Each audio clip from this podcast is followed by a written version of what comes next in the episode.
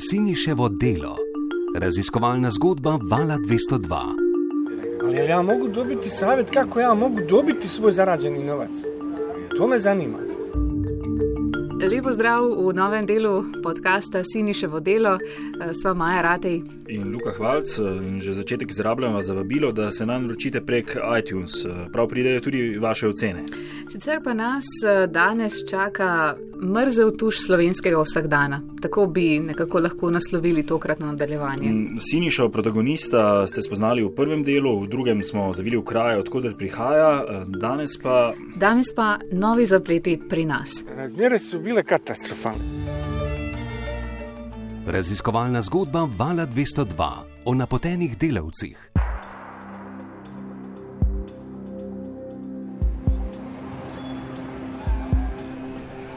Ljubljana, avtobusna postaja, dan pred praznikom je.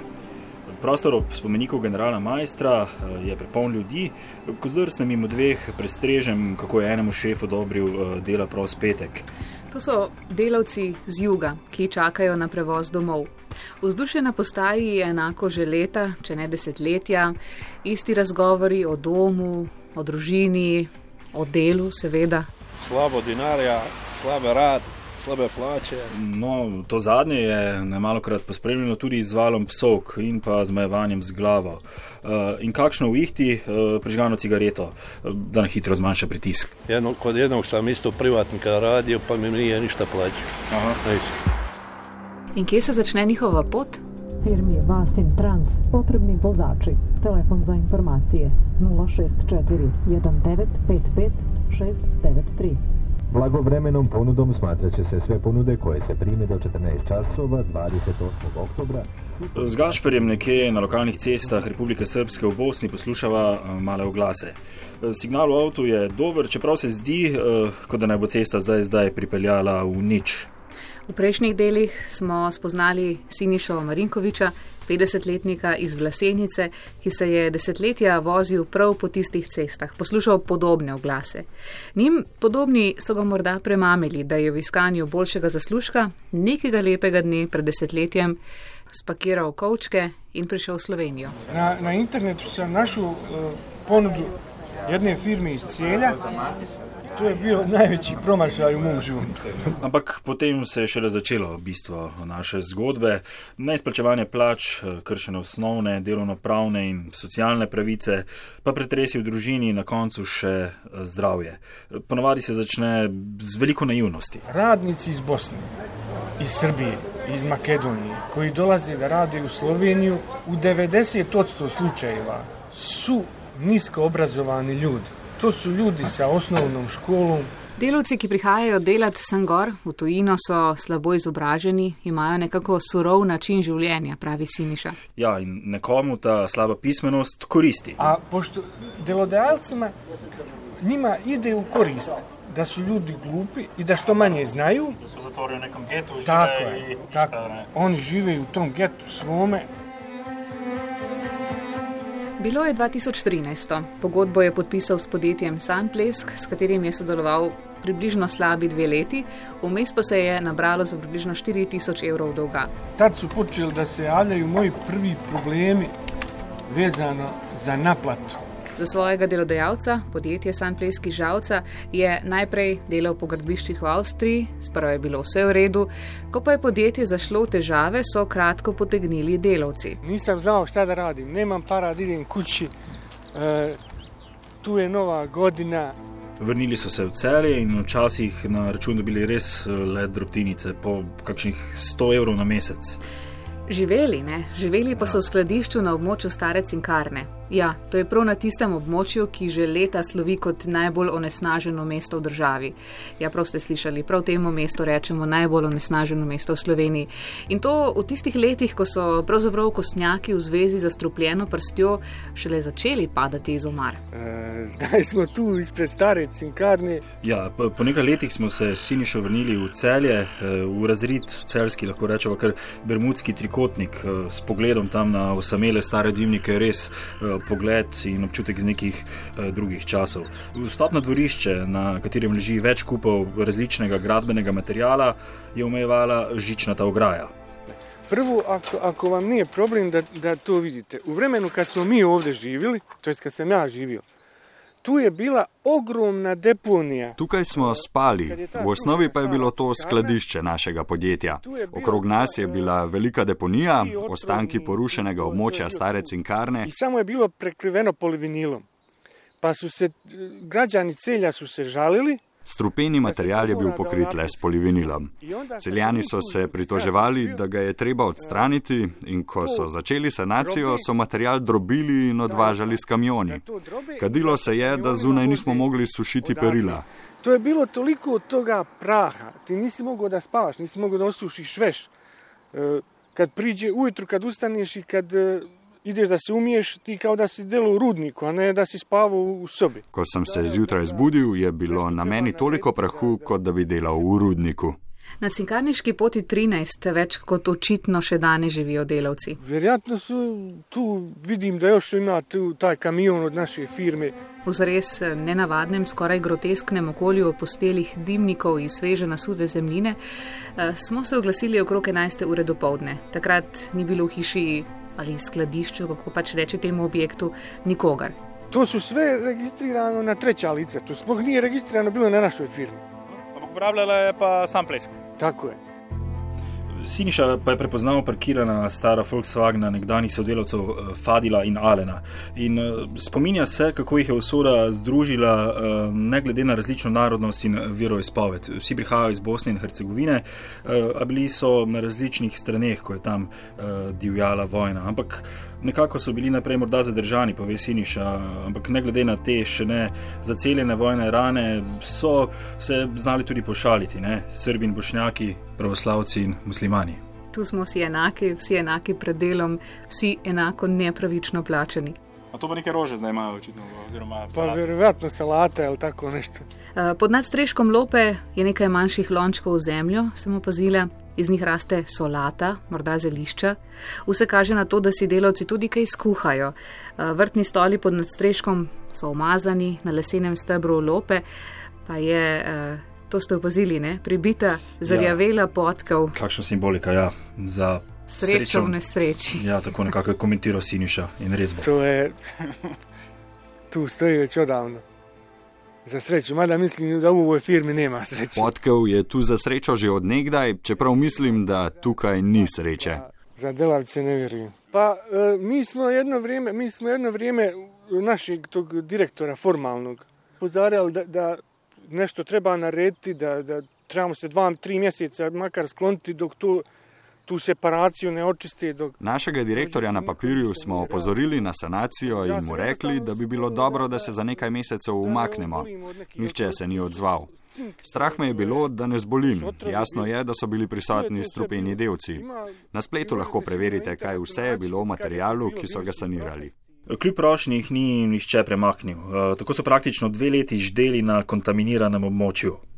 Siniša medtem pogleda v improvizirani nabiralnik, tam je bila pošta za enega od njegovih nekdanjih sodelavcev. Zanimivo, mm. pošiljatelj pa je bil zavod za zaposlovanje. Ironija, ja. Pretpostavljam da oni rade, ali da se formalno vode da su na zavodu. Siniša je špekuliral, eh, da so morda zaposleni eh, uradno za neko obdobje prijavljeni kot brezposelni in da m, delajo na črno. Eh, V njegovem obdobju je bila to menda kar redna praksa. Ampak če se malo ustavimo tu in gremo stran od celja 500 km proti severozahodu, tam se v bavarski prestolnici z delavci iz Balkana že nekaj let ukvarja novinarka Klaudija Görkov, ki poroča za javno radijsko in televizijsko hišo Bayerische Rundfunk. Obiskala sem jo nekega februarskega dne in eh, praktično se je razgovorila po letih dela na tem področju. Tole je rekla. I feel something twirl in me every time I come across a construction site and I hear. Seveda se v meni vsakeč, ko se približam gradbišču in slišim bosansko govorico, nekaj izgane. Ponavadi si jih zelo natančno ogledam. Nosijo čelade, so pravilno oblečeni, živijo na gradbišču. Do they live on the construction site? Pravzaprav ne ve, zakaj so ji ti ljudje tako pritegnili. Eh, Izjemno delovni so in zato zahtevajo plačilo, Eh, tudi če gre za malo denarja, pravi. In pa če tega plačila ne dobijo, se lahko zatečejo tudi v tvegana vedenja. You know, they don't want to be treated like animals and still they accept it to a certain point. And this was really like sick. Nočejo, da se jih obravnava kot živali, a so takšno vedenje do določene točke še vedno pripravljeni požreti. To me je presunilo. Pripravljeni so tvegati, se ponižati. In čeprav so jih že večkrat ukanili, so pripravljeni poskusiti znova in znova. Spoznala sem ljudi, ki so jih ukanili osemkrat in ki so vsta čas delali za nič evrov. Kakšni so torej ti ljudje? But I met, also met people that were fooled eight times and working for zero euros. And this for weeks and weeks and months and months. So, what are these people? Morda naivni? No, they are not naive. They, they have got a certain kind of honor. I mean, they could have stayed at home and said, well, just plant some potatoes, I don't know, sell some drugs, whatever. But they decided to work, and I think it's a very brave decision. Ne, niso naivni, imajo določeno čast. Lahko bi ostali doma, sadili krompir, prodajali drogo, a so se odločili za delo in to je pogumna odločitev. Iti v tujo državo, katere jezika in običajev ne poznaš, da boš zaslužil nekaj za svojce in za njihovo preživetje. Na neki način se žrtvujejo, a z neko posebno častjo. Niso naivni, vedo, da jih izkoriščajo, vedo, da so sužni. Vedo. In ob tem mi gre na bruhanje v Evropi. Resno, to je nagnusno. At least the more intelligent ones. They know it. And this is what makes me sick in Europe. It's really, it's disgusting. Ampak bivanje na kontaminiranem območju stare cinkarne še ni bilo dno Siniševe usode na Celskem. Odpotujmo zdaj v december leta 2014, torej približno slabi dve leti za tistim, kar je sklenil pogodbo s tankošnjim delodajalcem. Takrat jim je že zmanjkovalo dela. Šefa San Pleska sta jim bila še vedno dolžna, čemeli so v že omenjeni hiši skladišču pri cinkarni, domov ni mogel, saj ni, ni imel praktično evra. Ali pošto nismo primali platu, ja nisam imao novca nigdje da odem, nisam mogu da Jednostavno, kad nemaš novca da kupiš kartu voza 9 eura do Ljubljane. Sin še je pisal ščirki, kako da mu šef dolguje več eh, tisočakov. Eh, ta je to potem preverila pri njegovem šefu, poslala mu je elektronsko sporočilo, ampak šef sam pleska je to, kaj pa da zanikal, češ, da sin še dolguje le 500 eh, evrov. Nevede je s tem vnesel razpoko v njihovo družino. Namreč, do ja. zdaj tu laže. Seveda, ja. Družina je mislila, da živi usporedno življenje in da bi dokazal, da je dolžan, je moral do novinarjev, do policije in tako naprej. In tisti čas je bila zima. Ker denarja za pot domov ni imel, ga je šef nekako prepričal, da prevzame nekaj del še za božič in mu bo potem nakazal dostojno vsoto za pot domov. Tako si lahko predstavljamo, ne, da so ja. na tisti božič crkveni zvonovi torej praznično doneli, družine so postavljale smrečke, siniša pa je delal. Ja, in čudila se še gospa, pri kateri je delal. Pa je ta gospođa, koja je tamo bila neki nadzorni, ona je nama govorila kao fantije, pa danas je Boži zarađa, a, a mi smo rekli radimo da, da zaslužimo sam koji dinar da idemo domov. Za Boži 25.12. U Žalcu smo radili fasadu.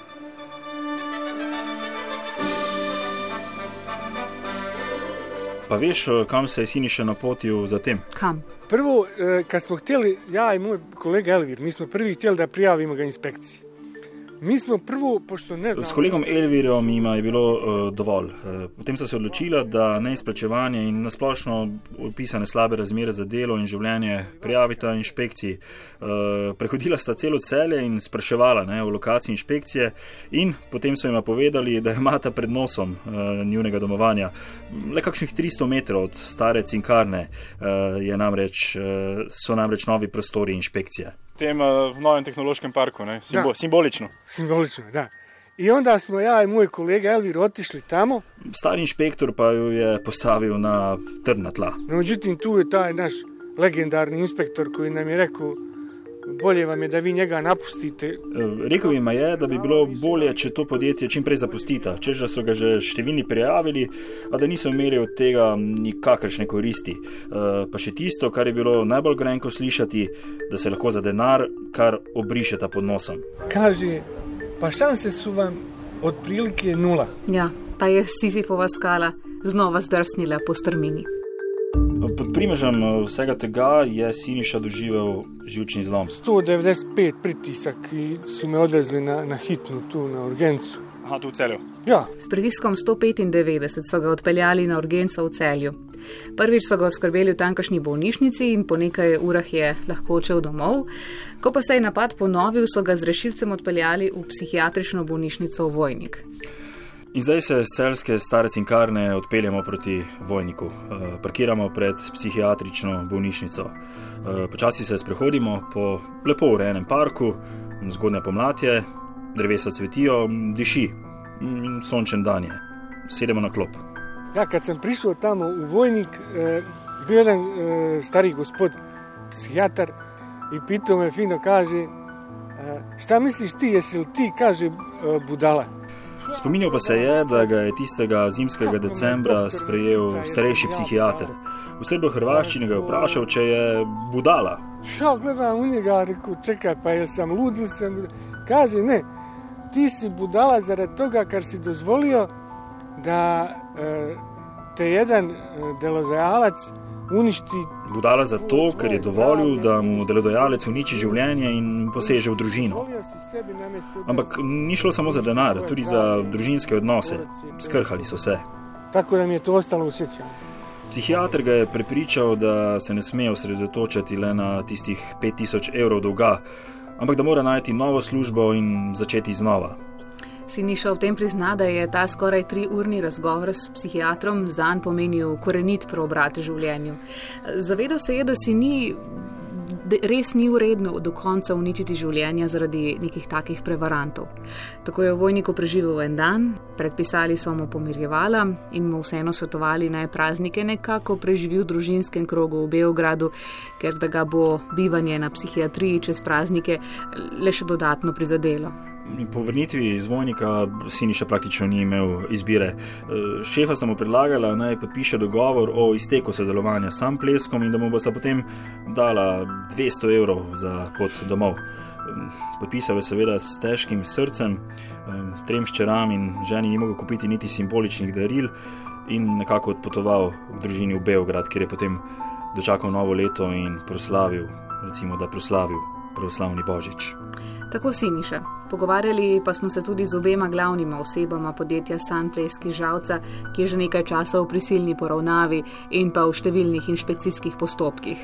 Poklical sem Richarda Kufnerja in Igorja Sando, ki priznavata, da je zaradi pač velike gospodarske krize in predvsem neplačnikov njihovih gradbenih del podjetje Sunplace zašlo v težave in se znašlo na robu propada. V vseh teh letih so bili vem, slabi rezultati na določenih zadevah, pa sem pa tja, ali je to zaradi slabe volje, ali je to zaradi plača, ali je to zaradi čega koli, uh, ampak se to ni delalo. Vseeno zagotavljate, da bodo morebitne dolgove, seveda tiste, ki so v pogodbi, ta pa, kot vemo, je lukničava najverjetneje in jih bo sodišče priznalo, poplačali nekje do leta 2020, pravita, ko se izteče obdobje prisilne poravnave. Zdaj pa zdaj smo se tudi lepo dobili, zdaj malo slabše, uh, tudi ti nišo smo imeli pa še hod imeti pogovore, pa je vmes zbolel, pa bil v Bosni, sem pa tja, tako da smo težko prišli do njega.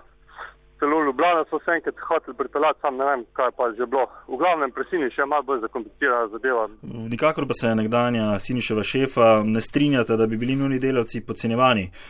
Nasprotno, krivdo vsaj delno valita celo na delavce. Ko pa ko jaz potegnem črto, pa rečem, le fanti, ampak tukaj ste pa naredili nekaj, kar ne bi smeli narediti, ali kaj takega, pa tudi nismo noben utrgali. Ne? Pogovarjali pa smo se še štirimi delavci. Ja, vsi zatrjujejo, ne, da jim je sam plesk dolžan vsakemu po več tisoč evrov in da imajo za to tudi dokaze. A nekateri zdaj delajo v Nemčiji, drugi si ne želijo težav, ker so v novih poslih na celskem, tretji pa so se po bifejih in parkiriščih s šefoma nekako pogodili za vsaj del izplačila. Praksa torej, kakršna slišite, je in ta praksa je kar običajna, nam potrdi več virov, da dojalci se zavedajo, da bodo delavci pač težko dokazali vse tiste nadure, v pogodbah pa imajo itak samo minimalne plače, vse ostalo je zelo relativno tudi na sodišču. Zato se včasih pogajajo in delavcem izplačajo nekaj malega na roke, da imajo mir. Ampak kljub temu, da ne bi za vse seveda obstajale pogodbe. Skratka, gre za nek začaran krok, v katerem Luka lahko rečemo, da edino manjka ena sestavina oziroma en ključen element, to pa je pravično plačeno delo. Ja, in tukaj sta očitno zakonodaja in pa tudi inšpekcije popolnoma nemočne, ampak naredimo tu piko za danes. Pustimo Sinišo v trenutku, torej, ko je ostal brez službe v Sloveniji, ko je bila zima približno decembr leta 2014 in ko se je takrat zaziral v nekakšne nove priložnosti. Ja, in kot mu je svetoval izkušeni psihiator, uh, ga morda čakajo boljše priložnosti ne? in čakal ga je v glas za delo, ki ga bo vodil v Nemčijo. Le da takrat še ni vedel, da bo tja odšel s poštenimi nameni. Vrnil pa, da se bo kot kriminalec. Ja, vsaki put doživljam isto travmo, ni kriv, ni dužen. Več pa izveste že v naslednjem delu podcasta Siniševo delo, ki bo na spletu dostopen že čez nekaj dni. Eh, ne spregledajte nas na valovski strani, tam smo www.val202.si. Naročite pa se lahko na podcast tudi na iTunes in nam sporočite svoje vtise, veseli jih bomo. Tako da prihodnjič gremo torej v Nemčijo, tako da lahko pozdravimo morda za danes do prihodnjič, auf Wiedersehen. Ja, auf Wiedersehen. Tukaj gre za čisto izkoriščanje uh, sistema. Uh, že v štartu v bistvu gre za to, da te delodajalci sploh nimajo interesa, da bi pošteno poslovali. To je jasno.